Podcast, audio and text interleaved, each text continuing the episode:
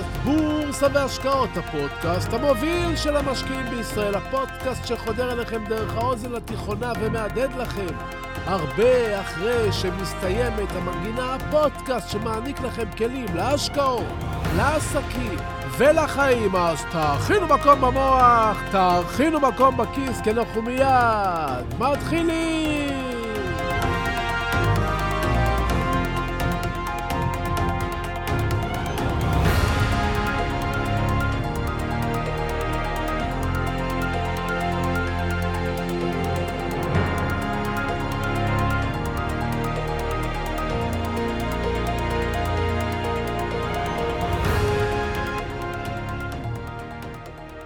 באוקטובר 1822 פרסם גרגור מקרגור, יליד סקוטלנד, הכרזה מרשימה.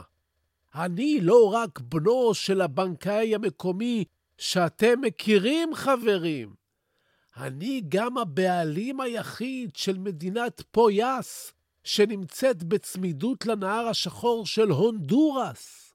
פויאס קצת יותר קטנה מווילס, הוא אמר, וזה מקום מאוד מיוחד. המדינה הזו, פויאס, כל כך פוריה, שהיא יכולה להניב שלושה יבולי תירס בשנה.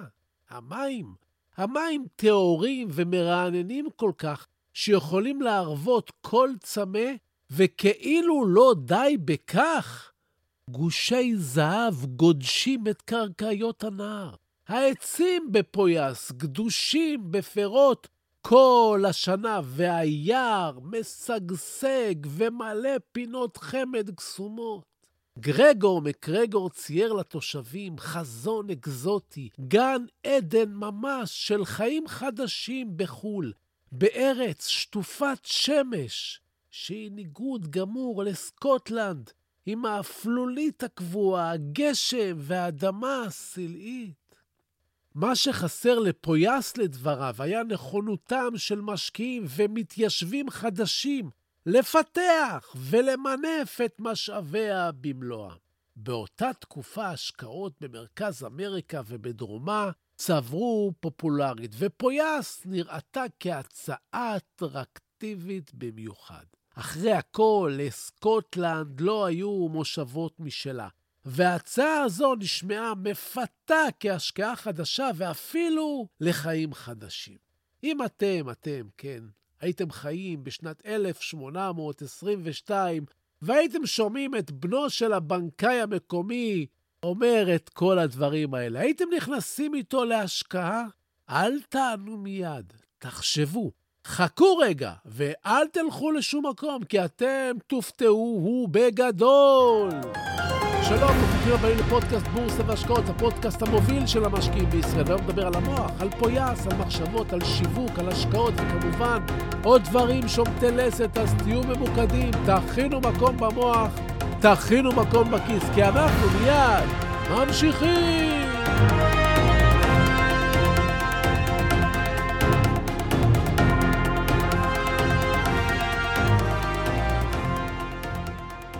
וגרגור היה אומן מכירות, וכשחושבים על היסודות הפסיכולוגיים שמאחורי השיטות שנקט, אין פלא שאנשים רבים אכן הלכו אחריו.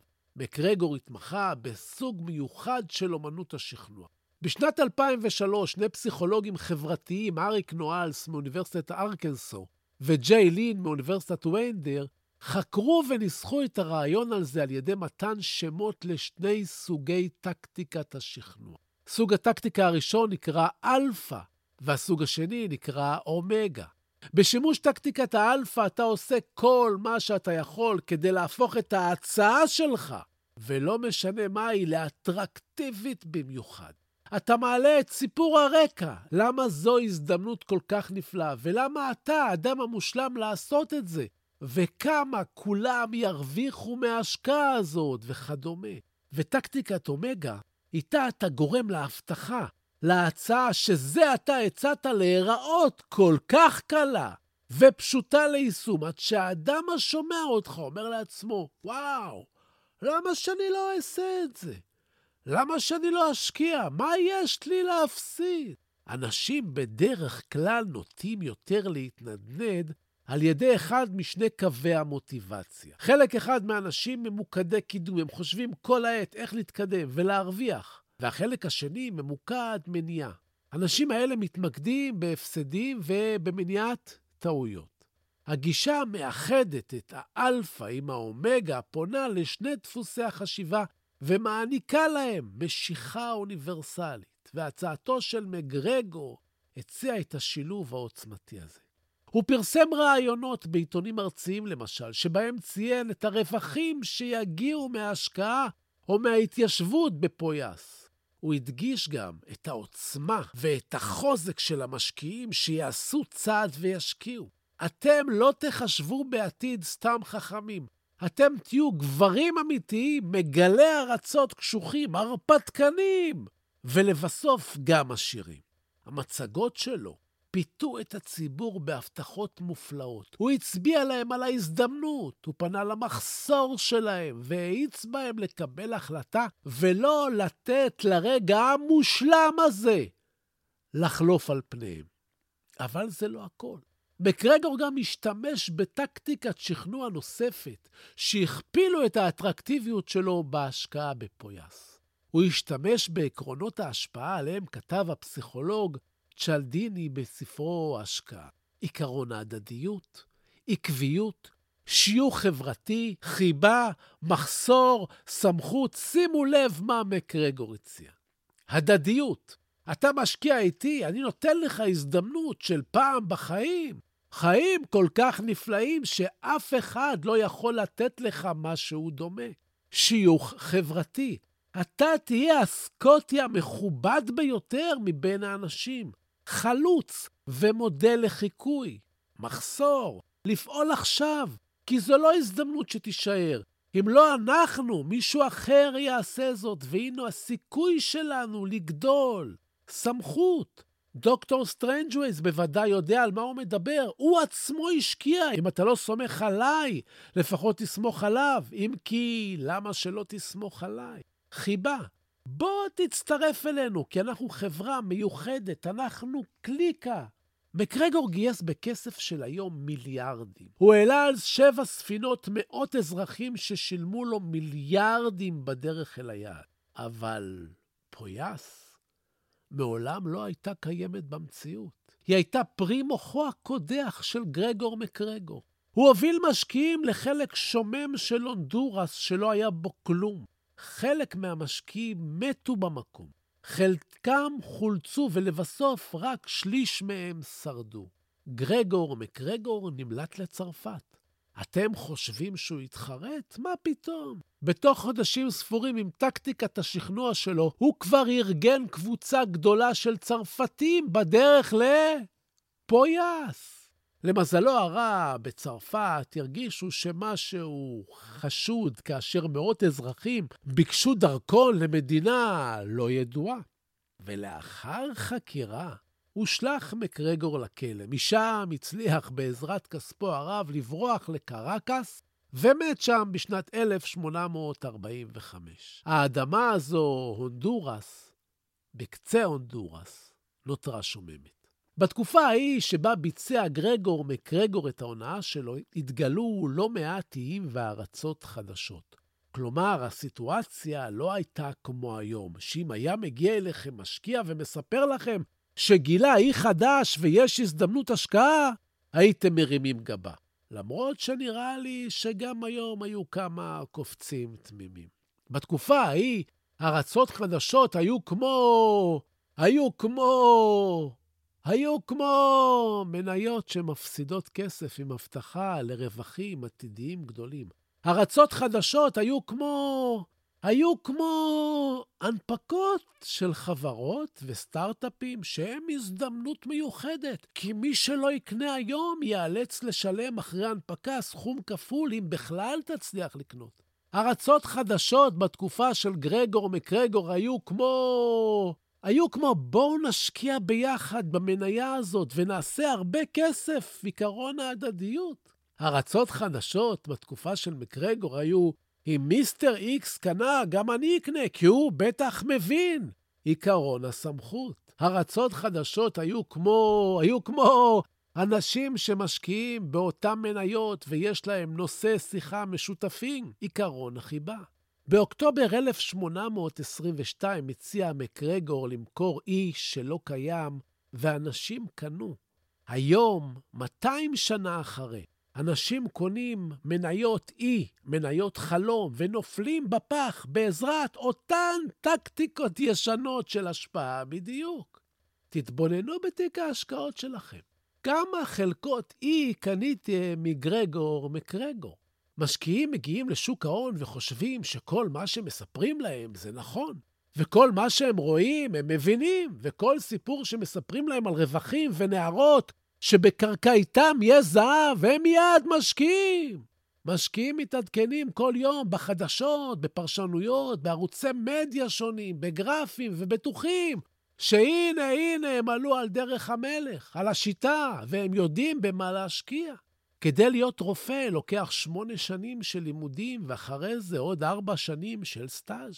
כדי להרוויח 30 אלף שקלים בחודש כרופא. משום מה, לבורסה מגיעים משקיעים, מתחילים, ומיד רוצים לנתח ולהרוויח. להיות מהנדס לוקח ארבע שנות לימודים, ואחרי זה סטאז'. להיות עורך דין מעולה לוקח שנים של למידה, קריאה, הבנה. ורק כאן, בשוק ההון, משקיעים חושבים שבלי ללמוד ולהבין אפשר להצליח. הייתם לוקחים לייצג אתכם עורך דין פלילי שכל מה שהוא עושה זה לקרוא את מדור הפליליים בעיתון?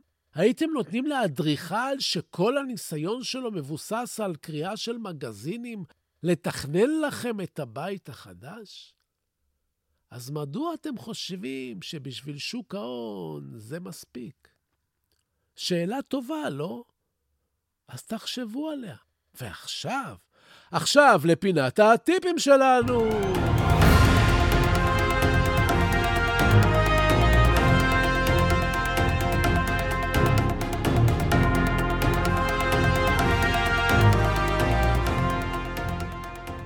אני לא יודע למה ולא מבין מהיכן זה מגיע, אבל בכל יום משקיעים מחכים להודעה טובה שתתחיל את גל העליות בבורסה, שתתחיל את היציאה מהסיטואציה. כל יום הם מחכים שמישהו יגיד להם, כל יום הם מחכים למשהו שיקרה, אבל אין דבר כזה שיום אחד זה קורה. שוק ההון מייצג את הכלכלה בסופו של דבר. הכלכלה בימים האלה של נובמבר 2022 עדיין במצב עלום. כדי להניע את השווקים, את המניות הגדולות, צריך הרבה כסף. הכסף נמצא אצל אנשים וגופים שיודעים דבר או שניים על השוק. הכסף יחזור לשוק כשהעתיד ייראה טוב ובטוח. לסימנים האלה לוקח זמן להצטבר. גם כשהשוק יתחיל לעלות, אתם לא צריכים להיות הראשונים. כשהשוק יחזור לעלות, הוא יכול לנוע לאורך זמן למעלה עשרות אחוזים. וזה לא ממש יהיה נורא אם תצטרפו אחרי עשרה או עשרים אחוז של עלייה ראשונים. אתם לא צריכים להיות ראשונים להגיע לאי של מקרגור. כשנראה שהספינות חוזרות מהאי, ואנשים מספרים שיש שם באמת זהב, ניכנס. עד אז יש זמן. תנו לאחרים להחליף אתכם. להתנסות ראשונים. הבנתם? אז אז זהו לנו להיום, ובסיום אני שב ומציין כי אין במה שאני אומר המלצה מקצועית או ייעוץ מקצועי, אלה תמיד כדאי לקבל מיועץ מוסמך עם רישיון ליאן. אני רק משתף אתכם במה שאני חושב. המניות שאני לפעמים מדבר עליהן כאן, אתם צריכים לדעת, אני לפעמים קונה מהן, לפעמים מוכר מהן, ואני אף פעם לא מנסה לכוון אתכם לפעולה כלשהי, אלא רק לגרום לכם לחשוב, לחשוב, לחשוב, ואם אתם רוצים להפסיק לנחש ולהתחיל לדעת, אתם מוזמנים ללמוד את מה שאני יודע באחד הקורסים שלי באתר סוד. עבודות, להרחיב את הידע, את הגבולות שלכם, לשכלל את היכולות שלכם. כן, אתם יכולים, כל אחד יכול, רק ידע, ותודה. תודה על התגובות החמות, תודה על השיתופים. תמשיכו, תפיצו, ואנחנו גדלים ביחד. תודה להילה ברגמן, שעורכת ומאירה ומפיקה את הפודקאסט. ועד הפגישה הבאה שלנו. תהיו בקשר, תבואו לאינסטגרם, סודות, קו תחתון בורסה באנגלית, גם אם אין לכם, תפתחו אחד לצורך העניין. יש שם שיחות מאוד מעניינות. תגיבו, תשאלו, תעלו נושאים, אני חוזר לכל אחד ואחת מכם. כנסו לאתר שלי, www.sodot.co.il. אני מבקש, סמנו שאהבתם, תשלחו את הפודקאסט לעוד כמה חברים. תעשו השתדלות. תודה רבה שהאזנתם לי. תהיו טובים. תעזרו למישהו שצריך. תשמרו על הכסף שלכם. תעשו משהו טוב לעצמכם. תלמדו משהו חדש. שיהיו לכם בשורות טובות, כל הישועות. הלוואי שתתעשרו בהקדם. בריאות! אני הייתי צביקה ברגמן, ואנחנו ניפגש בקרוב!